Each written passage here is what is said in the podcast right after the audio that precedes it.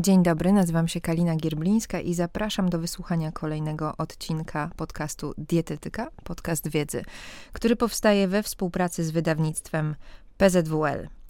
Dzisiaj naszym gościem jest e, Hanna Szpunar-Radkowska, Witam Cię, Haniu, bardzo serdecznie. Witam. Widzę Cię już tutaj w tym studio drugi raz. Tak, bardzo mi miło. Poprzednim razem rozmawiałyśmy o diecie w endometriozie, pod tym właśnie tytułem e, napisałaś książkę i o tym wtedy rozmawiałyśmy. A dzisiaj zmienimy troszeczkę temat, bo mamy do tego świetny powód, którym jest nowo wydana w wydawnictwie PZWL książka pod tytułem Żywienie, diagnostyka i leczenie SIBO. Hania która tutaj na mnie zerka i się uśmiecha, jest e, redaktorką naukową tego wydawnictwa. Wśród rozdziałów, które Hania przygotowała, znajdują się m.in. takie, które przemycają dużo ciekawych informacji, nietypowych, o których założę się, że Państwo nie wiecie w kontekście zespołu SIBO. Ale na początek, gdybyśmy na przykład mogły sobie tutaj wyczarować w naszym studio nagraniowym kuchnię, to za chwilę przygotowałabym Ci na początek mocne uderzenie, czyli szot przeciwzapalny, który składałby się z mieszanki octu jabłkowego albo soku z cytryny, oliwy z oliwek, mieszanki zielonych przypraw przeciwzapalnych, czyli cynamonu, imbiru, kurkumy, goździków, wody pieprzu czarnego. Oczywiście szczyptę tylko, żeby nie było za mocne. Chciałabym to pić codziennie, powiem ci szczerze. Jak przeczytałam to w twojej książce, że masz taką propozycję dla e, osób, które mogłyby korzystać e, z diety wspierającej zespół SIBO, to pomyślałam sobie, mhm, to jest coś dla mnie. Tylko powiedz mi, szot przeciwzapalny. To przeciwzapalne słowo. Dlaczego to jest kluczowe w zespole SIBO? Tutaj w Sibu mamy też stan zapalny w jelicie, więc to, to jest taka, taka tutaj cenna rzecz. Trochę się uśmiecham, bo e, no też w, w jakby w kontekście endometriozy, czyli ta, ta wcześniejsza moja książka, no też jak najbardziej my, my tych przypraw przeciwzapalnych używamy i to jest taki fajny pomysł na co dzień. A też już teraz e, widzę, bywając w hotelach, że to się pojawia na śniadaniach, także nie wiem, czy zwróciłaś uwagę, mhm. ale rzeczywiście to taka moda się zrobiła, gdzie my tego używamy tak naprawdę już od wielu, wielu lat. Po naszej rozmowie będziesz uciekała na targi książki w Warszawie. E, powiedz mi, czy lubisz się spotykać z czytelnikami? Znaczy, nigdy nie miałam takiej jeszcze możliwości. Tak jak już mnie troszkę znasz, to wiesz, że ja kocham książki i bywałam na tych targach wiele lat y, z drugiej strony kogoś, więc to jest dla mnie no, y, rzecz nawet o, nawet o której nie śmiałam zamarzyć. Także to jest naprawdę dla mnie dzisiaj wyjątkowy dzień. Jestem ciekawa, czy ktoś przyjdzie w ogóle. Jestem pewna, że tak. Myślisz, że może się to spotkanie przerodzić w no, takie konsultacje terapeutyczne? Myślę, że tak, bo zawsze tak jest. No to są poważne problemy, także no rzeczywiście mm, lubię się spotykać z ludźmi i tak najczęściej gdzieś tam się o tych problemach rozmawia. Dla tych Państwa, którzy nie kojarzą albo nie słuchali naszego odcinka podcastu, w którym Hania mówiła o diecie w endometriozie, przedstawię teraz Hanię. Hania, e, przepraszam, że tak mówię Hania, bo my już po prostu e, mamy tutaj dużo ze sobą wspólnego i się widzimy e, nie pierwszy raz.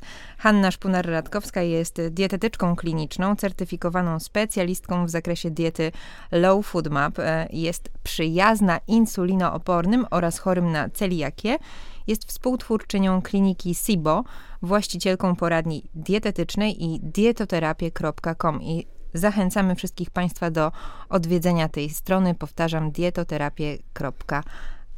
Współautorami książki, która dzisiaj w naszej rozmowie nam towarzyszy, książki pod tytułem Żywienie, diagnostyka i leczenie SIBO, są specjaliści Waldemar Gadziński, Justyna Pampuch, Violetta Rosa, Weronika Patrycja Słupek, e, czyli eksperci z różnych, z różnych dziedzin.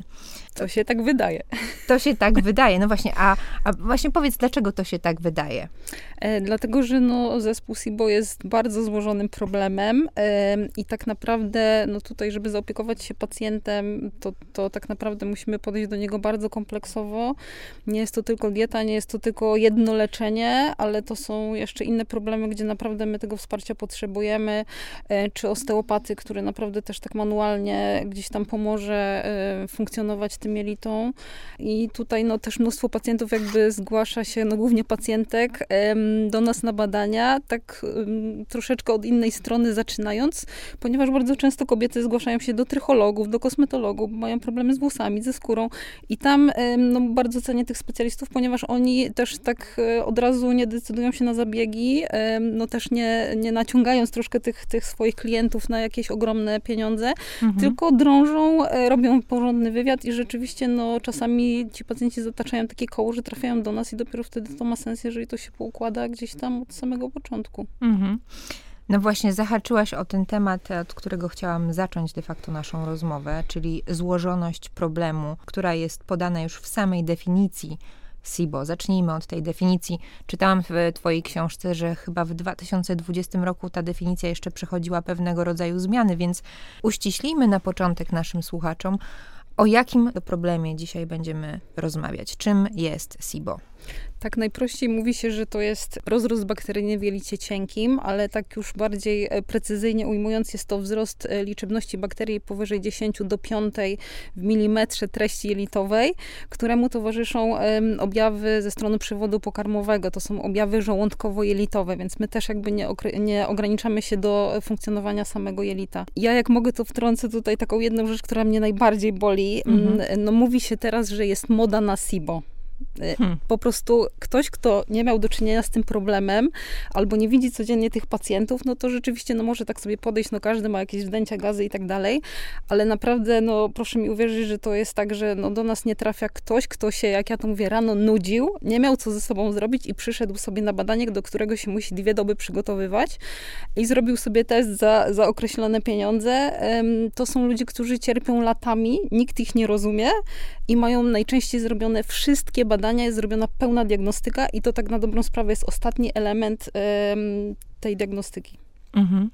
W książce przeczytałam również w samym wstępie o tym, że jest to bardzo ważna publikacja, która masz taką nadzieję, jako redaktor naukowa, będzie stanowiła po prostu pewnego rodzaju GPS dla osób, które zmagają się z tym problemem i, i wyjaśni wszystkie zawiłości. Wiesz, dlaczego to jest tak ważne, żeby mieć wiedzę, co się ze mną dzieje, bo sama byłaś w butach pacjenta. Sama miałaś to doświadczenie. Wspominasz w książce o tym, że miałaś robione testy oddechowe. O tym też będziemy później mówić w naszym spotkaniu, po co były robione te testy oddechowe i jak wygląda diagnostyka. I że po tych testach oddechowych nie miałaś za bardzo do kogo się zwrócić.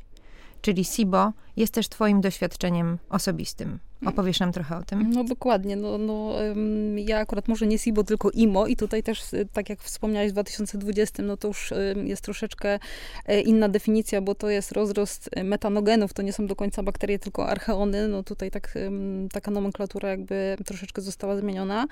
Była lata temu tylko, był tylko lata temu jeden ośrodek w Polsce, który te testy wykonywał i no tak jak mówię, ja bym, to, to, nie był, to nie było moje pierwsze badanie, to tak naprawdę no ja chorowałam bardzo mm, dotkliwie, można powiedzieć, na, na Hashimoto, na niedoczynność tarczycy. Miałam totalne niedobory, mm, bardzo byłam wychudzona i tak naprawdę mimo, to trwało rok, olbrzymiej suplementacji, która była ustalona przez lekarza, żebyśmy się rozumieli, ja nie wchłaniałam nic ja przy kaloryczności 2700, której ja praktycznie, no nie wiem, czy ja robiłam kiedykolwiek jadłospis dla mężczyzny y, w takiej, w takiej kaloryczności, schudłam 8 kg, a potem przestałam się ważyć, bo się bałam. Mhm. Także to tak naprawdę był taki ostatni element, gdzie jak już wiedziałam, że tego wchłaniania nie ma, to też po rozmowie z moim endokrynologiem, no stwierdziliśmy, że no coś jest nie tak z wchłanianiem, no ale praktycznie on się tym nie zajął, no bo też nie miał możliwości. No ja trafiłam tutaj do Warszawy, zrobiłam te testy, e, rzeczywiście potwierdziło się to IMO e, i wychodząc pytam panią z, tej, z tego ośrodka, co ja mam teraz zrobić? A pani wzruszyła ramionami. Mhm. Więc tak naprawdę, no zabierając się tutaj, bo doktor Gadziński jest, e, że tak powiem, powiem, mo, moim tutaj, moją drugą połówką, jeżeli chodzi o klinikę SIBO. My jesteśmy razem współtwórcami. No to założenie było takie, że albo robimy to porządnie od A do Z, albo w ogóle się za to nie zabieramy. To jak w takim razie dzisiaj wygląda ścieżka pacjenta z zespołem SIBO?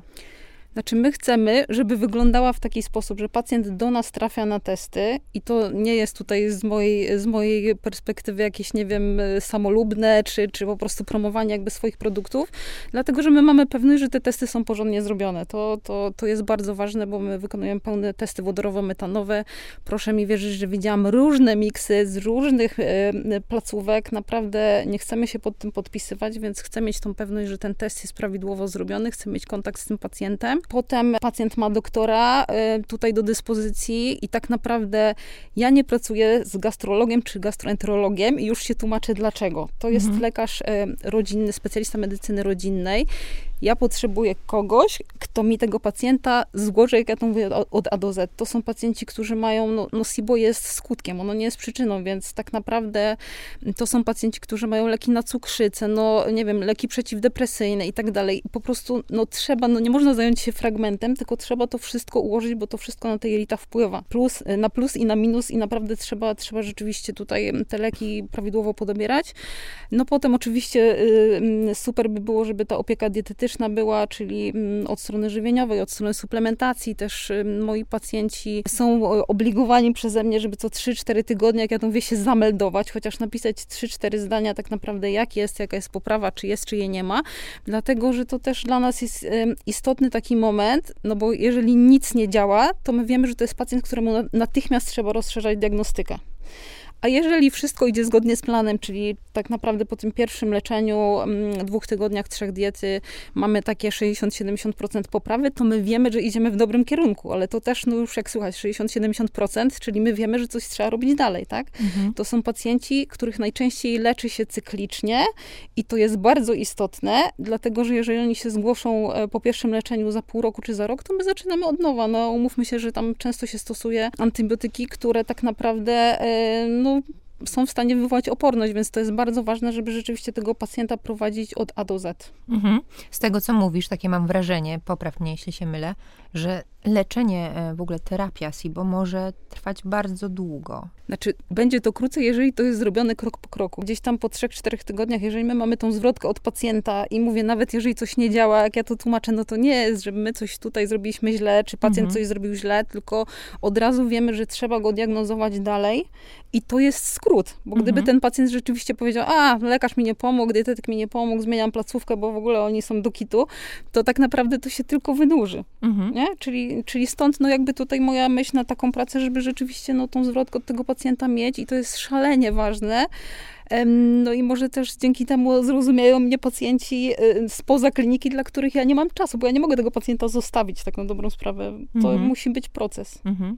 Jedno jest pewne, Trudno o jednolite zalecenia dla pacjenta, który zwraca się do Twojej kliniki. Zastanawiam się jeszcze, zostając na chwilę przy Twoich zawodowych ambicjach i doświadczeniach, czy to, jak wymagający jest do leczenia zespół SIBO, nie sprawia, że czasami doświadczasz takiej zawodowej frustracji? Nie. Nie. Ja to uwielbiam, także, także nie, ja po prostu, no nie wiem, teraz w tym tygodniu też miałam pacjentkę, u której no widzimy piękne wzrosty, że ona zaczyna wchłaniać i tak dalej. Ja się tak cieszę, jakbym to była ja, także mhm. naprawdę to, ty już mnie znasz, to wiesz, że to też jest, ja mam trochę inne podejście. Zastanawiam się, czy gdzieś było tak, że kompletnie się to beznadziejnie skończyło i nie mieliśmy już pomysłu. Raczej nie, no jeżeli ja już, że tak powiem, wykorzystam wszystkie swoje możliwości, a mam czasami tych pacjentów gdzieś tam online, no to ja ich ściągam po prostu z drugiego końca Polski, jak ja to mówię, na kozetkę po prostu, mhm. bo jeżeli moje pomysły się skończą, to doktor ma po prostu jeszcze naprawdę, um, może tutaj pomysłów jest w stanie mnie naprawdę zaskoczyć z zupełnie innej strony. Także no, tworzymy taki team, mam nadzieję, który jest ok.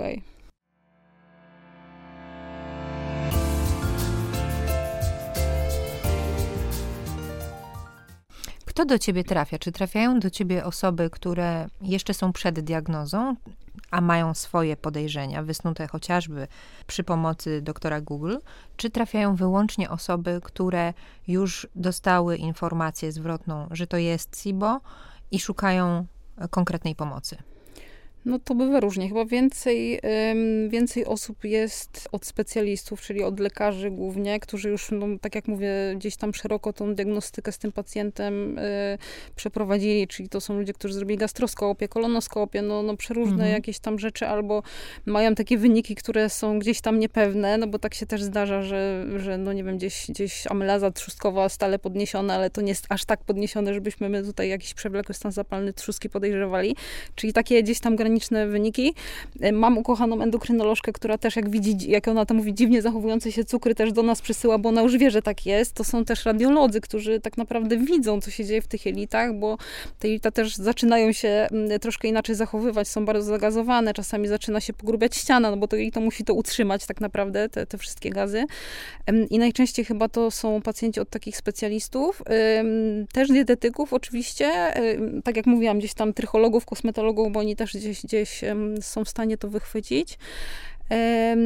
No, ale część ludzi też przychodzi rzeczywiście sama.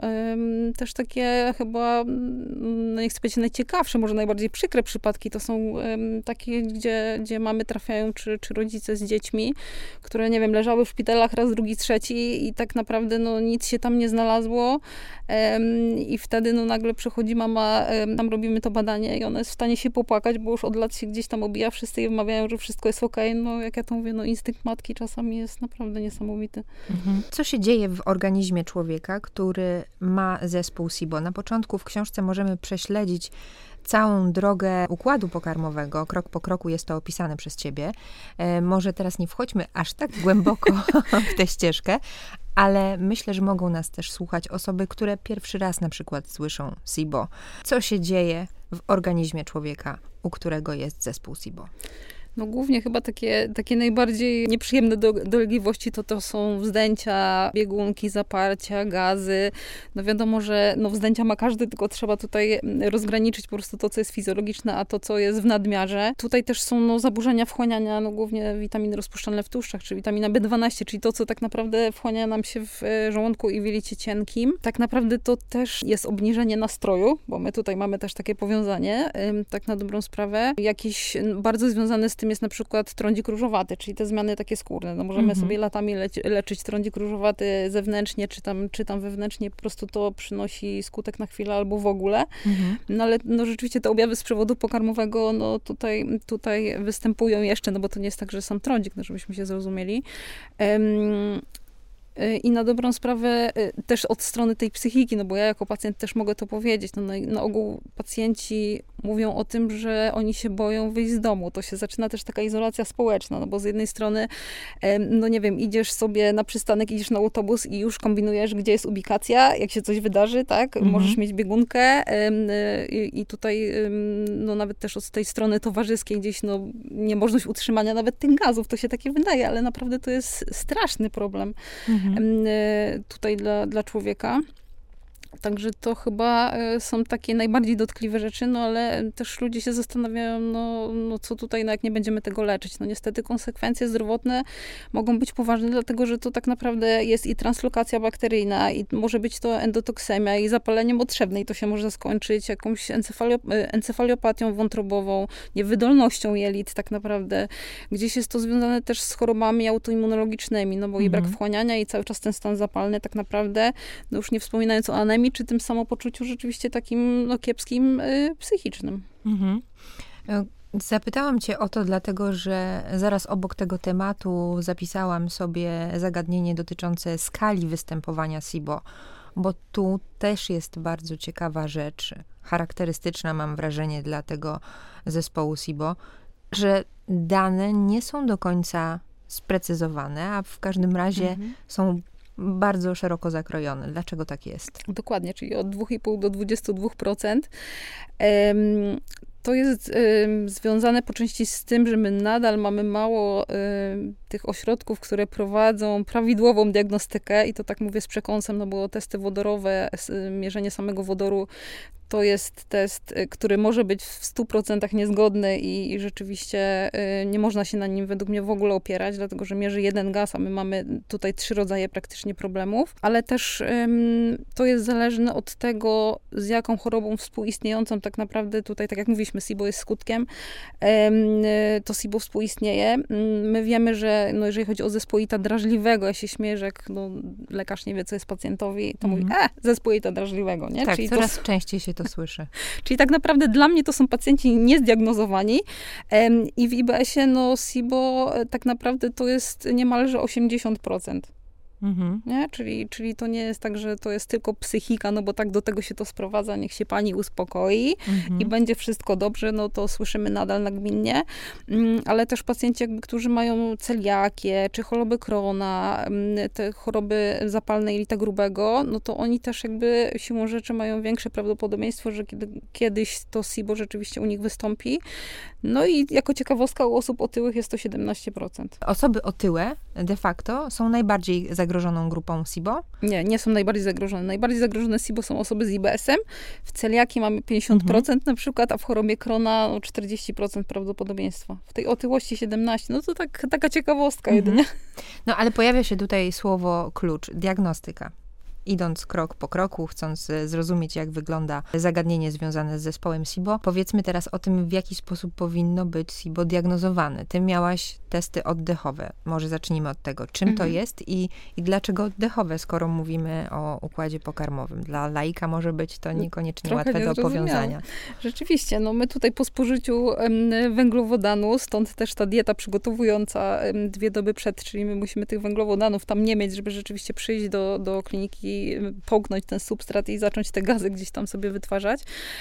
Te bakterie tak naprawdę mm, zaczynają fermentować, zaczyna się wytwarzać gaz, który wędruje do krwiobiegu i wędruje do płuc. Także to mhm. tak, nie? To ta fizjologia, no tak. która jest bardzo ciekawa. Mm, I tak dzięki temu możemy rzeczywiście z tego oddechu to mierzyć. To dla mnie z punktu widzenia specjalisty to też ciekawe to czuć tak naprawdę to czuć, to czuć nosem nawet w pewnym momencie, jak to trafia do ita cienkiego, no to ciekawostka na marginesie. Też, no my możemy jakby w teorii badać to inaczej, czyli my możemy pobierać aspirat z jelita cienkiego, ale tak naprawdę no jest to badanie inwazyjne, które też mhm. nie, nie, ma, nie ma tutaj jakby standardów wykonywania tego i tego się no, na ogół nie robi. Te testy oddechowe są dobrą metodą diagnostyczną, no, uznaną tak naprawdę tutaj i, i łatwo dostępną, łatwą do wykonania tak na dobrą sprawę. Ale tak jak mówię, no, są na rynku testy wodorowe i wodorowo-metanowe. No, w teście wodorowym mamy tak, że bierzemy tylko wodór, czyli teoretycznie mhm. samo SIBO, ale to są proste urządzenia, które są pozbawione korekty dwutlenku węgla, czyli tego, co się wdmuchuje z pomieszczenia. E, I te testy są dzięki temu w stanie 100% się nie zgadzać. Też z drugiej strony my mierzymy jeszcze metan, czyli e, ten gaz, który tak na dobrą sprawę najczęściej się pojawia. Metan ma zdolność wiązania do czterech cząsteczek wodoru, czyli jeżeli my robimy sam wodór, to pozornie tam może wyjść wszystko ok, mhm. a jakbyśmy zmierzyli metan, to tam są po prostu ogromne ilości. I to samo jest z siarkowodorem. My w Polsce nie mamy jakby oddzielnych um, urządzeń, które oddzielnie namierzą ten gaz, ale to są charakterystyczne wykresy, gdzie jak mierzymy wodór i metan, to my widzimy, że no, można powiedzieć, to wszystko stoi. Mhm. I wtedy wiemy, że tam jest siarkowodór, który znowu wiąże to często cząsteczki gazów i tak na dobrą sprawę, plus objawy pacjenta, bo to zawsze, nie? czyli ten rozległy wywiad i wtedy rzeczywiście no, możemy ten siarkowodór podejrzewać. Czasami mam wrażenie, jak rozmawiam z różnymi lekarzami, którzy zajmują się bardzo specyficznymi dziedzinami w swoim zawodzie i właśnie dochodzi do momentu diagnostyki, to myślę sobie o nich jako naprawdę dobrych archeologach. Muszą bardzo głęboko szukać przyczyny żeby mieć jasną sytuację. Czy łatwo jest e, znaleźć e, powód, dla którego dana osoba ma SIBO? Znaczy, no my tutaj tych tak naprawdę przyczyn, no bo pacjenci bardzo często o to dopytują, bo wszyscy o tych przyczynach gdzieś tam piszą i mówią. To mogą być przyczyny związane z budową tak naprawdę y, fizyczną tego pacjenta, czyli to może być pacjent, który jest, nie wiem, po operacjach jakichś i tak dalej, ma jakieś wzrosty pooperacyjne, czy nie wiem, usuniętą zastawkę, czyli to, to, to taka mm, jedna, jedna tutaj gałąź, a druga to, to jest coś, co nam uszkodziło tak naprawdę no, tą perystaltykę, czy już tu głębiej idąc funkcjonowanie tego kompleksu elektrycznego, który przesuwa treść pokarmową. I tu tak naprawdę na czele stoi stres, więc to czasami mhm. są przyczyny, które my możemy uchwycić, a czasami to są takie przyczyny, których my nie uchwycimy. E, no stres, znowu e, wiadomo, takie, takie pojęcie, gdzie naprawdę, jak ja to mówię, nie wiadomo, co było pierwsze jajko czy kura, bo tak, tak. naprawdę jak te jelita nie funkcjonują, my cały czas dostajemy impuls do głowy, cały czas jesteśmy poddenerwowani, no wstajemy rano i patrzymy przez okno i mówimy, no kurczę, no nic się nie dzieje, a dlaczego ja jestem w stresie cały czas, nie? I po mhm. prostu wszystko w środku chodzi. Mm, e, I, i naprawdę, no mnóstwo jest takich zwrotek, że no, pacjenci mówią, że gdyby wcześniej trafili rzeczywiście, co się tam z nimi dzieje, to może uniknęliby tam jakiegoś długiego leczenia lekami przeciwdepresyjnymi, ale w drugą stronę to też działa. No my bardzo często, i to też jest udowodnione, nawet, nawet jak ja się tam uczyłam w, na Monash University a propos diety Low Food Map, to tam też określone leki przeciwdepresyjne w niskich dawkach były w określonych przerostach bakteryjnych jakby podawane i na to są badania. Mhm. Więc czasami e, rzeczywiście, no pracując z tym pacjentem, wdrożenie nis, leku przeciwdepresyjnego o jakiejś tam niskiej dawce jest tym przełomem. Nie? Hmm. Czyli to mhm. naprawdę trzeba się skupić i, i no to bywa, bywa różnie i tu wszystko tak naprawdę jest gdzieś ze sobą związane. To rzeczywiście duży zwrot akcji może być. Może być, dokładnie. Komuś przekazuje taką tak. informację. Tak. Może się pacjent w ogóle tego nie spodziewać. Jak w dobrym kryminale zresztą, skoro jesteśmy w tyle Książka. książkowym w temacie książek. Ale mm, w twojej książce przeczytałam jeszcze, że jednym z powodów SIBO może być również przebyte zakażenie wirusem i od razu moja myśl powędrowała niedaleko, czyli COVID-19. E, czy po pandemii zauważyłaś wzrost liczby pacjentów? To chyba był ten nasz impuls, bo e, to był, no my się z doktorem przyjaźnimy wiele lat i rzeczywiście on, on był koordynatorem covidowym naszym wojewódzkim i, i my mieliśmy nawet, y, gdzieś otarłam taką statystykę, że co czwarty pacjent, który był w szpitalu na tych oddziałach covidowych, e, wychodził albo z zakażeniem klostroidetes, albo właśnie z SIBO. I to właściwie był taki moment, że myśmy się spotkali, a doktor do mnie mówi, że widzi taki wzrost, no pan jest lekarzem rodzinnym, jakby mhm. tych problemów u siebie w gabinecie, że albo to robimy teraz albo wcale. Czyli rzeczywiście no, to, to jest bardzo powiązane, a jak ja to tłumaczę pacjentom, no to mówię tak, że tak naprawdę te wirusy atakują najsłabsze ogniwo. Czyli ktoś tam gdzieś już miał problemy z jelitami, no to tak mhm. naprawdę miał te objawy jelitowe, nie? Czyli nie wiem, wymioty, biegunki i tak dalej.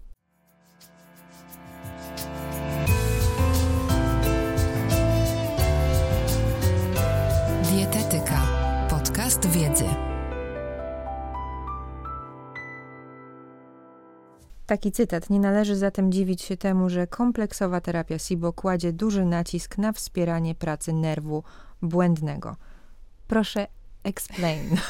Powiedz, o co chodzi z e, no, nerwem no, czyli błędnym. Do, czyli dokładnie o to tutaj chodzi. To jest autonomiczny układ nerwowy, nerw błędny, kompleks elektryczny to jest jedna jakby tutaj tak naprawdę pula, czyli to też to powiązanie nasze te, tych jelit z mózgiem na dobrą sprawę. Tutaj duże pole do popisu mają właśnie osteopaci, którzy też manualnie są w stanie tak naprawdę gdzieś ten nerw błędny pobudzić, ale tak samo my też na to działamy od strony dietetycznej, ponieważ no taka podstawa, no mówię, tutaj tutaj sobie y, można wprowadzić zmiany dietetyczne, suplementację, leczenie, a jak się takich podstaw, że tak powiem, nie załatwi rzeczywiście, żeby ta perystaltyka, y, no żeby to, to funkcjonowanie prawidłowe przywrócić, y, no to to jest taka najistotniejsza rzecz, czyli tutaj taka ważna sprawa to jest to, żeby rzeczywiście te przerwy między posiłkami zachować, bo, bo ten kompleks elektryczny uruchamia się po półtorej do dwóch godzin mhm. po posiłku, a pacjenci też mają ten pasaż często zwolniony, no więc zaleca im się, żeby ta przerwa była taka, no powiedzmy koło, koło tych czterech.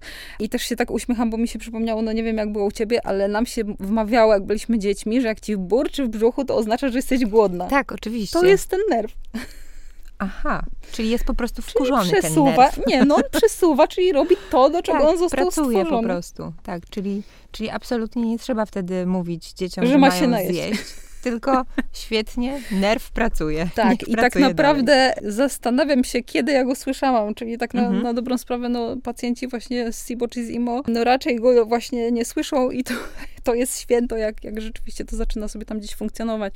No tak jak e, też wspomniałaś, długi jest ten wstęp o, o tej fizjologii, o tym, tak. o tym całym układzie pokarmowym, ale to no chociażby sprowadza się do tego, że my tutaj mamy też problem z trawieniem węglowodanów, no i, i każdemu pacjentowi się tłumaczy amylaza ślinowa, to jest trawienie mhm. węglowodanów, czyli jak ten pacjent tego nie pogryzie, to no nie ma siły, żeby on rzeczywiście był, był zdrowy, no bo no ten organizm się musi tam nieźle namęczyć, więc to tak, czy melatonina, hormon działający w układzie pokarmowym, to są takie wszystko istotne elementy mhm. i też pacjenci się czasami dziwią, e, jak mnie jeszcze nie znają, na czym polega konsultacja dietetyczna, bo e, ja najpierw rozmawiam o wszystkim, gdzieś dalszym mhm. leczeniu, suplementacji, tej technice jedzenia, mhm. a po pół godziny dopiero tutaj e, przechodzę do tego, co ma być na tym talerzu, więc to, mhm. to jest wszystko istotne.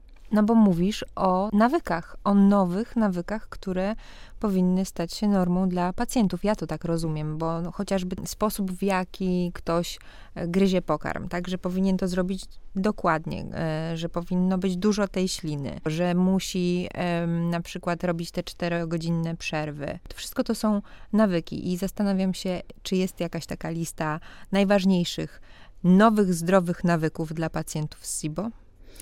Powiedziałabym, starych nawyków. Myśmy o tym zapomnieli, jak powinniśmy, e, powinniśmy jeść. No po prostu Aha. wszyscy żyją w biegu teraz. Mhm. To są takie podstawy, nie? Czyli mhm. e, no, trzeba kochać siebie i wiadomo, że jeżeli ten organizm ma, ma problem, no to też staramy się mu ułatwić, więc no, jeżeli na początku gdzieś tam jest problem, mówię, zespół żołądkowo-jelitowy z tym trawieniem, no to może warto tam sobie pomiksować, zrobić jakieś koktajle, no troszeczkę ułatwić rzeczywiście. No ale to są takie kluczowe zasady, tak jak mówimy, właśnie te, e, czyli to gryzienie, te przerwy między posiłkami, troszeczkę też y, skład na tym talerzu, no bo wiadomo, że mamy problem znowu z trawieniem węglowodanów, więc mamy ich siłą rzeczy trochę mniej na tym talerzu i one też są odpowiednie, a mamy więcej białek, tego budulca, który nam będzie tak naprawdę y, goił też i regenerował te jelita i, i dobrych tłuszczów, czyli, czyli to są takie podstawy, no bo jak ja mówię, no można się leczyć, można brać suplementy i stanąć na rzęsach i dopóki my tych y, podstaw nie zmienimy, no to no nie ma siły. Czyli cały czas dostajemy dowód y, nie tylko w tej dziedzinie e, zdrowotnej, ale w każdej innej, że mm, modne słowo sprawczość. Wszystko zależy od nas, od tego, czy będziemy konsekwentni. Ale powiedziałaś też takie słowo, takie zdanie e, techniki przygotowywania posiłków. Brzmi to bardzo ciekawie, tajemniczo i bardzo profesjonalnie. U mnie technika przygotowywania posiłku jest bardzo prosta, aż się boję, że w ogóle nie jest techniką, więc może powiedzmy, jak powinniśmy to rozumieć. Znaczy, no chodzi mi o to, że no tak jak mówię, no mamy problem tutaj z trawieniem, więc staramy się temu organizmowi troszeczkę pomóc na początku. No jakby, no e, nie wiem, czy jakiś dietetyk jeszcze mówi o tym, że smażymy w głębokim tłuszczu, czy nie wiem, jakiś panierek używamy i tak dalej. Przynajmniej na samym początku gdzieś to powinno być, no nie lekko strawne, bo to nie o to chodzi, my nie jesteśmy po żadnym zabiegu chirurgicznym, tylko no łatwiej strawne, żeby naprawdę temu organizmowi to ułatwić, żebyśmy to wchłonęli i też chodzi o to, że y, to też taka może specyfika SIBO, najczęściej to są pacjenci, którzy którzy mają, tak jak ja też wspominałam o sobie, znaczny ubytek masy ciała. Mhm. I to nie będzie tak, że oni nagle po prostu przypakują, tak jak niektórzy mówią, tylko my chcemy ten spadek zatrzymać. Mhm. Czyli, czyli no też mm, jakby ja lubię bardzo mm, iść w stronę właśnie koktajl, gdzieś, gdzieś z izolatami białkowymi, roślinnymi, które rzeczywiście no, są taką szybką, takim szybkim dożywieniem tego pacjenta, gdzie on to wchłonie, jak ja mówię, żaden złodziej mu tego nie podbierze z tego przewodu pokarmowego tą stronę, myślę. Mówimy o SIBO. A jakie są rodzaje SIBO? Bo tutaj też z twojej książki można się dowiedzieć mhm. różnych wątków. SIBO to jest przerost wodoru, jednego z tych gazów. Mamy IMO, gdzie mamy przerost metanu, czyli to jest e, kolejny gaz i mamy też to SIBO siarkowodorowe, które możemy rzeczywiście tam gdzieś pośrednio zdiagnozować. Tutaj w każdym z tych przypadków jest albo inne leczenie, albo inna dieta, dlatego też to ważne, żeby konkretnie wiedzieć, co, z czym mamy do czynienia, z czym gramy, jak ja to mówię. Mhm. Oczywiście, bo czasami pacjenci no, mają żal, że, że lekarz gdzieś tam na podstawie objawów stwierdził, że to jest SIBO. Lekarz ma takie prawo, no bo te objawy, że tak powiem, są najważniejsze, no ale pytanie, czy pacjent chce akurat pójść w takim kierunku, że weźmie jakieś leki, one mu pomogą albo nie pomogą, no skoro można tą drogę skrócić rzeczywiście wiedzieć konkretnie, e, z czym mamy do czynienia i, i po prostu to porządnie poukładać. Także zawsze do tego zachęcam, że ta diagnostyka to jest podstawa. Mhm. Oczywiście diagnostyka to jest podstawa. Napisałaś jeden z rozdziałów, który traktuje o ciekawostkach związanych e, z SIBO i IMO. Tutaj już się Hania uśmiecha. Więc chciałabym do tego rozdziału sięgnąć i zapytać cię o kilka z nich, e, które wydaje mi się, że mogą być e, interesujące, chociażby ze względu na samą nazwę i podkreślam słowo pije. Na pewno wiesz, do czego piję. To od razu wiedziałam, dlatego się uśmiechnęłam. Dobrze, w takim razie o czym mi powiesz? O zespole autobrowaru. Oczywiście. To są, no tak, idąc, idąc jeszcze dalej żartując, to tak naprawdę pacjent z IMO jest, e, czy SIBO jest e, bardzo ekonomicznym gościem. No, nie u każdego to na pewno się dzieje, ale to, to, to też jest temat, który jeszcze nadal jest niezbadany, niedoszacowany, to, mhm. to też wiemy. Po prostu gdzieś, gdzieś te bakterie są same w stanie, czy archeony, produkować alkohol. I stąd się bierze ta nazwa zes zespół autobrowaru, mm, a mówię ekonomiczny gość i tak najczęściej no, pacjenci rzeczywiście mówią, że wypiją kieliszek i oni już są pijani. Także mm, no, ze mną też tak było, ja, się ze mnie śmiali, po prostu wypijałam kieliszek wina, a przy drugim już trzeźwieję, także no tak to, tak to było po prostu gdzieś tam, e, no takie, takie objawy też, no kaca można powiedzieć, tak na dobrą sprawę. Mhm. I mówisz, że to jeszcze nie jest do końca zbadane od takiej strony naukowej, tak? Żeby nie, wiedzieć, jak nie. to... to... to... podobno jest niedoszacowane w różnych po prostu innych jeszcze problemach tak naprawdę. Okej, okay. To w takim razie e, kolejna ciekawostka, która również ze względu na nazwę e, zwróciła moją uwagę. Brzmi no, dosyć intrygująco kryzys ozdrowieńczy. A, co chodzi o, o tą reakcję Jarisza Herxheimera, czyli tak, tak. zwany Herx albo die off. To też, jeżeli o mnie chodzi, jeżeli pacjent ze mną pracuje od początku do końca, to jest taka ważna rzecz, którą staram się powiedzieć na samym początku też przy leczeniu, dlatego że no najczęściej, no mówię, gdzieś tam lekarz nie ma czasu, bo nawet może tego nie wie, no bo nigdy tego nie przechodził. Pacjent dostaje te leki, tam zaczynają te bakterie wymierać, zaczynają się wydzielać toksyny i tak dalej. Mhm no i pacjent po prostu sygnalizuje pogorszenie samopoczucia. Czasami się zdarza, że wzywa pogotowie, bo nie wie, co się z nim dzieje, czy ma reakcję alergiczną na, na, na leki. Dlatego ja mówię, no po prostu, że to jest normalne. No niestety nie czujemy się wtedy dobrze. Gdzieś tam są te wzdęcia wzmożone, może być mhm. biegunka. Mhm. Jest strasznie niedobrze po jednym z tych leków. Gdzieś nie chce się jeść i tak dalej, więc, więc mimo, że my mówimy, że w czasie antybiotykoterapii to jeść wszystko, co się da, to ja i tak wiem, że ten pacjent nie zje, więc nie muszę mu tutaj jeszcze dokładać jakichś ograniczeń. No i niestety tak to jest, gdzieś jakieś wysypki, no to musi gdzieś z nas wyjść, no i też jest to istotne, żeby gdzieś temu pacjentowi troszeczkę pomóc. No i można tak skrótem, ja tego skrótu używam, pacjentowi wytłumaczyć, że kupa i siku to jest podstawa, czyli po prostu no, trzeba się dobrze nawodnić i trzeba to z siebie wydalić.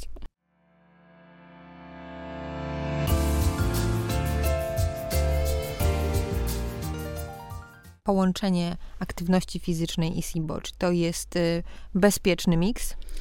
Znaczy, tu zależy też od pacjenta, no bo komuś, kto y, jest bardzo ruchliwy, uprawia sport, ja raz miałam triatlonistę, no to po prostu nie wyobrażam sobie powiedzieć, proszę usiąść na kanapie i teraz się leczymy przez najbliższe pół roku. Mhm. No to no się właśnie. na pewno nie uda i to nie jest dla niego y, sytuacja jakby normalna, z którą on na co dzień żyje, ale w drugą stronę też, no, mm, jeżeli to jest pacjent, który gdzieś tam się nie ruszał, no to też mu mówimy, że no czas tam na spacery się gdzieś ruszyć, bo jakby mhm. też te, te, te jelita tam sobie lepiej funkcjonują. Nawet tutaj w tym rozdziale osteopatii też to było opisane, osteopatii, że zaleca się na przykład pacjentowi, jak on taką ma ciężką poposiłkową, żeby on wstał i po prostu zaczął chodzić po pokoju, no bo też mhm. to się wszystko zacznie tam ładniej przesuwać i lepiej trawić. Tutaj chodzi o to tak naprawdę, że my te, no w tym jelicie, no znowu wracam do tego, mamy stan zapalny, czasami te kostki kostki elitowe są poskracane, rozszczelnione połączenia elitowe y, i fizjologicznie w sporcie tak naprawdę, jak człowiek jest zdrowy, no to y, podczas wysiłku te połączenia się rozszczelniają, a potem wracają sobie do normy. A jak my mamy to już, że tak powiem, uszkodzone i jeszcze sobie dołożymy, e, no to działa to gdzieś na naszą niekorzyść, ale no naprawdę to no wszystko gdzieś tam z umiarem, no to zawsze jest złota zasada. I tutaj e, troszeczkę nawiązując do tego pacjenta, który tym triatlonistą jest, on sobie świetnie poradził. I to bardzo szybko. Więc mi się w ogóle wydaje z takiej praktyki, że ci ludzie, którzy są bardzo, bardziej ruchliwi, a może też zdyscyplinowani, no bo on rzeczywiście no, mhm. no, musiał żyć w takim jakimś tam swoim trybie, te treningi i tak dalej, też zwracał uwagę, co na tym talerzu jest i to nie było dla niego nowość, to tak mi się wydaje, że oni nawet szybciej z tego wychodzą. Nie zdradzając Państwu szczegółów, bo po to proszę już sięgnąć bezpośrednio do książki Żywienie, diagnostyka i leczenie SIBO, dowiecie się, jak na przykład Hatha Yoga może wspierać pacjentów e, SIBO. Ale tak jak mówię, nie zdradzamy szczegółów. A jeśli chodzi na przykład o przyrost masy ciała. Już troszeczkę o tym mówiłaś. E, IMO, a przyrost masy ciała. Pojawia się tam takie zagadnienie w książce. Jak do tego podchodzisz? Więcej mamy chyba tych wychudzonych, takich, mhm. takich osób, które chcą zatrzymać ten spadek masy ciała, nawet przytyć. A w drugą stronę, no czasami no, zdarzają się pacjenci, którzy, nie wiem, kilka kilogramów tam chcieliby przy okazji y, tej diety gdzieś tam zgubić, to ja zawsze się śmieję, że to jest efekt uboczny, no ale to, to trochę żartem, dlatego, że no szacuje się też, że tam tak naprawdę przy tych problemach jelitowych, gdzie mamy te wzdęcia gazy, nagromadzone, to ich jest od 3 do 5 kg. E, tudzież taki zabieg też od tej strony poukładania nawet tego talerza, tych przerw między posiłkami, to jest też taka, taka rzecz, którą się stosuje też, jeżeli pacjent rzeczywiście tą masę ciała, ciała chce zredukować, czyli to głównie mhm. jest technika jedzenia, tak na dobrą sprawę. I te przerwy między posiłkami, no nieciągłe podjadanie, podnoszenie sobie tej insuliny, ale też no, no tobie chodzi zapewne o to, że rzeczywiście te bakterie znowu mają zdolność do generowania własnych kalorii, no podobno tak, tak jest. Wow, e, okej, okay, to niezły przeciwnik, te bakterie. Wiele potrafią. Mówisz o przerwach, wracamy do tego e, wątku co chwilę, o przerwach między posiłkami. Jak w takim razie post przerywany? Dobre, złe w kontekście SIBO? E, oczywiście w teorii przerywany jest super, ale to ja y, z przekąsem tak mówię, że w teorii, bo w praktyce to trochę inaczej wygląda przeważnie, dlatego, że tak jak już od samego początku jest mówione, przeważnie nie jest to pacjent, który ma tylko SIBO i problemy jelitowe, ale ma jeszcze inne problemy. Najczęściej są, jest to nierównowaga glikemiczna, no więc tu ten pacjent, on też musi jeść, on nie może sobie zrobić przerwy siedmiogodzinnej, mhm. bo, bo tak naprawdę tam wszystko zacznie szaleć, czyli mówię, w teorii super, ale bardzo rzadko uda się to wprowadzić w praktyce. Ja, jeszcze jeden wątek, y, to, mhm. to, to jest bardzo istotne też właśnie, żebym nie zapomniała, bo też musimy sobie zdawać sprawę, no znowu, zespół żołądkowy-jelitowy, jak my mamy trzy posiłki, czyli, czyli robimy sobie tą dłuższą przerwę gdzieś tam nocną, to e, musimy tej kaloryczności mieć więcej w poszczególnym posiłku. Czyli no, pacjent z SIBO czy ZIMO nie jest w stanie zjeść posiłku, który ma 1000 kalorii, bo on mhm. nie jest w stanie tego przerobić. Czyli jakby od strony tej technicznej, no dlatego mówię, no bardzo rzadko też się to z tego względu udaje. Zanim zajrzymy do talerza, to jeszcze cię zapytam o inny przedmiot, mianowicie filiżankę, bo podobno e, pacjenci najczęściej w gabinecie pytają cię o to, czy e, cierpiąc na SIBO mogą pić kawę. Mogą, nie mogą? No pewnie. My już się znamy, już ten wątek poruszałyśmy. Tak, to prawda. Ja jestem kawoszem i tutaj nie wiem, co już by musiało się stać, żeby, żeby powiedzieć że pacjentowi, że tej kawy ma nie pić, no ale to wiadomo, że no jest to tak, że zależy znowu, z kim my mamy do czynienia. No, jeżeli pacjent ma biegunki, no to też wiadomo, że ta kawa będzie przyspieszała perystaltykę i nie będziemy mu jeszcze tutaj kazać tej kawy pić. E, czyli dla niego no, będzie zasadne jakby ograniczenie, ograniczenie tej kawy, ale jeżeli ją lubi, no to ja też nigdy mu nie powiem, że ma tego nie robić, dlatego że ja w ogóle wychodzę z założenia w pracy, że no, taki człowiek ma strasznie dużo problemów i ja mhm. się staram mu pomóc, a nie jeszcze mu dołożyć. A w drugą stronę, jeżeli pacjent ma zaparcia, no to jak najbardziej ta kawa troszeczkę mu tą perystaltykę usprawni. I też no to, to ciekawostka taka, że no, jeżeli mamy tu problemy wątrobowe, to tam jest zalecane nawet pięć filiżanek kawy dziennie, no więc hmm. to naprawdę zależy z kim my mamy do czynienia. Takim razie płynnie przejdźmy do e, talerza, bo chciałabym cię zapytać o samą już e, dietoterapię w SIBO. Częściej stosowaną dietą w przypadku SIBO czy IMO jest e, dieta Low Food Map i to na pewno warto podkreślić, że jest to jedyny model, który jest poparty badaniami naukowymi. Więc opowiedz więcej na ten temat i Szczególnie interesuje mnie to, co się powinno na tym talerzu znaleźć w przypadku pacjenta z zespołem SIBO. Czyli tutaj poniekąd wyszło, dlaczego byłam pierwszym dietetykiem w Polsce, który ukończył przygotowanie na Uniwersytecie Monash, dlatego, że no, tak jak mówiłam, mhm. zostałam wypuszczona praktycznie z niczym, e, oprócz wyniku. E, no i jak to ja dokopałam się na drugi koniec świata, żeby rzeczywiście sobie gdzieś tam pomóc. No i, i tak się ta przygoda rzeczywiście zaczęła. Tutaj oczywiście specjaliści powiedzą, że no oczywiście to nie jest dieta stworzona stricte pod SIBO, no ale takiej nie ma. No to jest, e, tak jak wiemy, no 80% pacjentów z IBS ma również SIBO, więc ta dieta poniekąd została zaadoptowana również do tych problemów, bo one są niemal identyczne i ona musi działać, nie? Mhm. To tak, no może statystycznie to, to nie jest tak, że to jest 100%, no bo tak nie jest, ale naprawdę też mi to pozwala właśnie wychwycić, jeżeli ona tam gdzieś nie działa, że rzeczywiście mamy jakiś głębszy problem, a ona rzeczywiście po takich dwóch tygodniach powinna już jakąś taką wyraźną ulgę pacjentowi przynieść. No my chcemy tutaj te jajta wyciszyć, czyli chcemy ograniczyć te gazy, ograniczyć tą fermentację, żeby one miały czas i przestrzeń, żeby się e, goić i leczyć. Mm, I też jak my te, te jajta sobie wyciszymy, to możemy potem w tym drugim etapie, no robimy tą reintrodukcję, czyli wprowadzamy te cukry jakby fermentujące mm, do tego jadłospisu na nowo, zaobserwować też, co konkretnie temu e, pacjentowi tak naprawdę nie służy i to podkreślam w danym momencie, dlatego że on w tym procesie leczenia jest przez ileś miesięcy, w zależności od tego, jakie to zniszczenie zaszło i to też jest zmienne w czasie. E, pacjent jak trafia do nas, to najczęściej mówi, no nie mogę tego, tego, tamtego, tego jest coraz więcej z czasem, a na końcu jest tak, że wypije wodę i też ma wzdęcia. Czyli dlatego my musimy to no, najpierw przeleczyć, bo dieta jakby nie jest e, systemem leczenia, no to trzeba też podkreślić, tylko jest takim wspomaganiem, tak na dobrą sprawę, żeby rzeczywiście w końcu ten pacjent odczuł ulgę, i żeby potem leczył się i potem mógł jakby wychwycić też, co konkretnie się dzieje, bo te reakcje tak naprawdę mogą się nakładać nawet trzy doby. On, on, jemu się czasami wydaje, że coś mu, coś mu tam nie służy, a to, to się okazuje, że to nie do końca tak jest. Czyli w którym momencie wprowadzasz już zmieniony jadłospis? Znaczy to zależy, jak ten pacjent sobie tak naprawdę radzi, czy, czy jak ten proces leczenia przebiega. U mnie najczęściej tak jest, ale to statystycznie tylko podkreślam, że my rzeczywiście e, mamy po 3-4 tygodniach wprowadzone tam kolejne malutkie dawki leków, no mhm. wiadomo, że na leku tej diety nie będziemy rozszerzać, bo tam w jelicie sobie działa lek, jeszcze chwilę daje pacjentowi czasu i najczęściej jest to tak, że po sześciu tygodniach e, my możemy sobie, jeżeli wszystko idzie zgodnie z planem, nic mhm. więcej nam nie wyskoczy w tej diagnostyce, na powrót tą dietę rozszerzać, więc to też nie jest tak strasznie, że, że my tam mhm. gdzieś nie wiadomo jak długo mm, jesteśmy, jesteśmy w takich ograniczeniach. I najczęściej też to jest tak, jeżeli ktoś umie tą dietę ułożyć, że to jest rozszerzenie diety dla pacjenta, a nie wcale ograniczenie, bo tak jak mówię, no on sobie wykluczył mhm. to, tamto, tamto, tamto, a potem się okazuje, że on to może jeść, tylko o tym nie wiedział, czyli tak, no ja czasami, mm, no rozmawiając z pacjentem, ja widzę, takie mam wrażenie, ja im też to mówię, jak te wszystkie cegiełki zaczynają się układać, po prostu tam wszystko w te odpowiednie szufladki zaczyna wskakiwać i taka całość zaczyna fajnie sobie funkcjonować. I to też warto podkreślić, że, że mówię, no, no pacjent jest dobrze poprowadzony, to szybko może też wychodzić jakby z tych restrykcji, dlatego, że no wiadomo, że są osoby, które chcą sobie radzić same.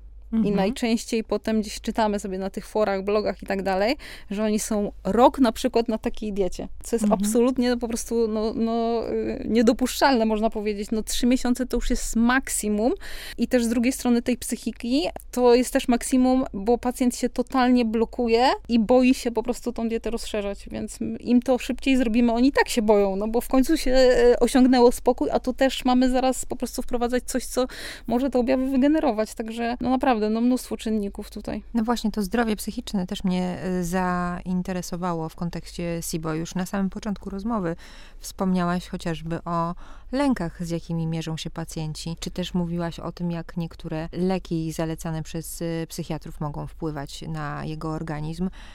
Jak w takim razie pacjenci z Twoich obserwacji radzą sobie w ogóle z tym obszarem, jakim jest zdrowie psychiczne w trakcie terapii SIBO?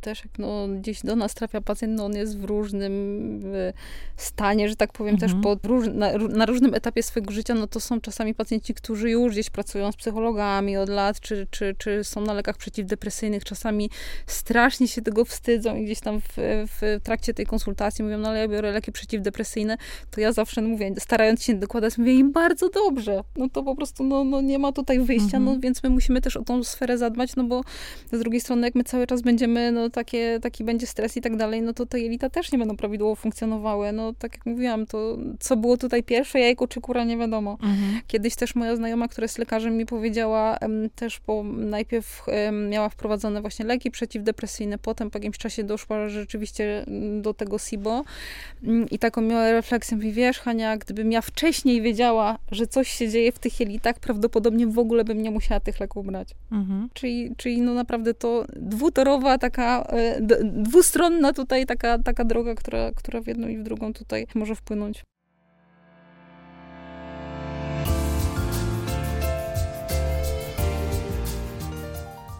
Na końcu książki znajdziecie Państwo bardzo ciekawe, pyszne przepisy na różne rzeczy. Nasze spotkanie zaczęłyśmy od zaproponowania e, Państwu szota przeciwzapalnego, który brzmi pysznie, trzeba spróbować. Czy Ty masz osobiście, też jako pacjentka, jakąś dietę, jakieś e, składniki, które dla ciebie są absolutnie najlepsze, najsmaczniejsze i które najchętniej polecasz. Podkreśla się też, tak jak mówiłam tam, że dieta Low Food Map jest y, stworzona z myślą o pacjentach z IBS-em, ale podkreśla się też, mówię, adaptując jakby tą dietę do SIBO, rolę pewnych składników, które nam tu ładnie ten przewód pokarmowy wspierają i na pewno są to zioła. Zioła mhm. typu, nie wiem, bazylia, oregano, jakaś mięta i tak dalej, to zachęcam, żeby pacjenci mm, jak najbardziej tego jedli jak najwięcej. To na pewno są owoce, które zawierają też enzymy trawienne, które wspomagają mhm. to trawienie, czyli to jest kiwi, ananas i papaja, no może u nas niedostępna. Mhm. I to są na pewno też orzechy, czyli tak naprawdę fajne białko, fajne tłuszcze i też znowu wsparcie pracy tych śluzówek. No to na to rzeczywiście kładę nacisk i staram się to podkreślać. Mhm. A co w przypadku suplementacji? Czy suplementy diety są bezpieczne przy SIBO? E, no, bardzo dobre pytanie. Na pewno suplementacja jak zawsze i w każdym przypadku dobierana jest indywidualnie i to też jest tak, że my bardzo duży nacisk kładziemy na skład tych suplementów, no bo mhm. no, taki pacjent wrażliwiec od strony jelitowej, no on e, no, musi te składy mieć też posprawdzane, czyli na pewno my idziemy w stronę tutaj mocno przeciwzapalną, czyli chociażby te kwasy omega-3, no reszta to według tam gdzieś niedoborów, my idziemy w stronę wsparcia tego znowu kompleksu MMC, tego nerwu błędnego, no bo tak na dobrą sprawę, no przeleczymy się, przejdziemy na dietę, a jak nie odwrócimy tej sytuacji, która zaszła, no to też znowu to działanie jest troszeczkę bez sensu. Jak to na jakimś szkoleniu tam też w Stanach mówiono, to jest um, taki podstawowy błąd rzeczywiście, który generuje spore ryzyko tych nawrotów, czyli my musimy zadbać o to, żeby to wypróżnienie było codziennie, było w pełni uformowane e, i żeby to wszystko było strawione, no już tak w skrócie. Mhm. Wiesz, Hania, ja cię muszę zapytać o ten uniwersytet. Proszę bardzo. Jak to było? Uniwersytet Monash, tak? W mhm. Australii? Mhm. Mów, mów, jak to było. Kupiłaś no, bilety, poleciałaś nie, do Australii? Nie, no nie, no to, to, to jest taki półroczny e, kurs, ale internetowy jak najbardziej. No. A jak wyglądał taki kurs dla ciebie? Czego się ciekawego z niego dowiedziałaś? I jak często w ogóle specjaliści z twojej dziedziny sięgają po takie rozszerzenie wiedzy? Ja się dowiedziałam no wielu rzeczy. Ja też cofam się bardzo często do tych notatek, no bo mówię, no gdzieś mamy jakieś badania naukowe a propos konkretnego leku przeciwdepresyjnego mhm. w konkretnym przeroście. Tego mnóstwo wykorzystałam w swoim życiu, też, też jakby w tym, co napisałam, czy w poprzedniej książce, czy w tej. To też nie jest tak, że tym, te mm, wytyczne są stałe, jeżeli chodzi o te składniki diety, ponieważ tam jest jednostka badawcza, która non-stop bada te fermentacje i to się też bardzo często zmienia, czyli to też nie jest tak, że my tam raz mamy jakąś ilość, nie wiem, borówka na przykład, tam też ostatnio to się zmieniło, kiedyś tam było chyba bodajże 50 gramów na porcję, teraz mamy 125, czyli oni ciągle się tym zajmują. Dlatego jest jak najwyższe zaufanie no, do tych specjalistów, którzy, którzy naprawdę w tym siedzą. Mhm. A powiedz mi, jak wygląda Twój kontakt z pacjentem? Już mi mówiłaś, że bardzo dużo im opowiadasz na początku, że robisz nawet półgodzinny wykład na początek, a potem przechodzisz do, do konkretów. Czy łatwo ci jest w ogóle budować kontakt, taką partnerską relację z pacjentem? No myślę, że tak. Ja nie mam jakoś z tym problemu. Zresztą no, znasz mnie, dużo gadam. Czasami mówię, że prowadzę monolog, także. Ale ja ten wywiad też mam jakby już wcześniej na piśmie, dopytuję jeszcze o coś, uzupełniam sobie go w trakcie tej rozmowy. No na pewno jest dużo do przekazania. Ja już wiem, że taka godzinna konsultacja to mi nie wystarcza, więc już też, też troszeczkę je wydłużyłam. Tak samo kontrolna. No kiedyś było założenie, że to jest pół godziny w życiu się nie wyrobię, jest to zawsze godzina. Staram się troszeczkę też zadbać o siebie w tym wszystkim, no może to głupio zabrzmi. Pacjenci wiedzą, że oni do mnie mogą pisać mail, ale też ich proszę, żeby rzeczywiście to kumulować gdzieś tam w jednym, no bo tak to bym cały dzień się zajmowała tak naprawdę korespondencją, no ale chcę mieć te zwrotki od nich i to jest dla mnie też bardzo ważne, żeby to prawidłowo gdzieś tam przebiegało. Raczej się zastanawiam, w jakim, w jakim takim stanie właśnie psychicznym pacjenci trafiają. No są tacy, którzy, nie wiem, zaczynamy y, konsultacje gdzieś od płaczu. Ja się staram zawsze to robić na wesoło i tak jak mówię, rozwiązywać gdzieś problemy, a nie jeszcze, jeszcze stwarzać. Mam opracowane mnóstwo materiałów, których tam gdzieś pacjent rzeczywiście, które dostaje mm, gdzieś po konsultacji i staram się to prowadzić tak, żeby on sobie sam w stanie był radzić, a nie go wyręczać w takim sensie, że no nie robi się teraz tak, że po prostu każdemu mhm. się tam wlepia, że on ten plan dietetyczny miał i te posiłki miały się stricte tego otrzymał, po prostu tam mi się strasznie denerwował. On ma mieć takie narzędzia, żeby on sobie sam poradził. No ja tak mam te materiały opracowane, żeby wiedzieć też co na co zamienić i też e, nawet jak już robię te plany, czy też mam taki oddzielnie plik opracowany, gdzie iść i dany produkt kupić. O, to na pewno są cenne wskazówki. Powiedz mi na zakończenie naszej rozmowy, czy jest jeszcze coś o SIBO, co powinniśmy powiedzieć. My jako klinika SIBO jesteśmy też częścią badania naukowego nad SIBO. To jest badanie, które jest prowadzone pod kierownictwem Pomorskiego y, Uniwersytetu Medycznego w Szczecinie. Kierownikiem projektu jest pani profesor Karolina Skonieczna-Żydecka i my tutaj w samym SIBO mm, mamy do czynienia z przerostem wodoru, czyli tak naprawdę gazu, który jest fizjologiczny, jest go więcej w jelicie grubym i my możemy sobie tutaj spróbować, że tak powiem, takiej drogi bez leczenia. Czyli mm, badanie polega na tym, że my wprowadzamy albo probiotyk lub placebo, no wiadomo, to jest mhm. badanie mm, randomizowane i wprowadzamy dietę low food map, no i będziemy oceniać tak naprawdę mm, efekty mm, tego postępowania. Ma to dużą szansę powodzenia i to jest tak, że my tam też w ramach tego badania wykonujemy pacjentowi trzykrotne badanie sekwencjonowania kału, czyli to jest badanie genetyczne takie, mhm. które nam daje najwięcej, y, tak na dobrą sprawę, informacji.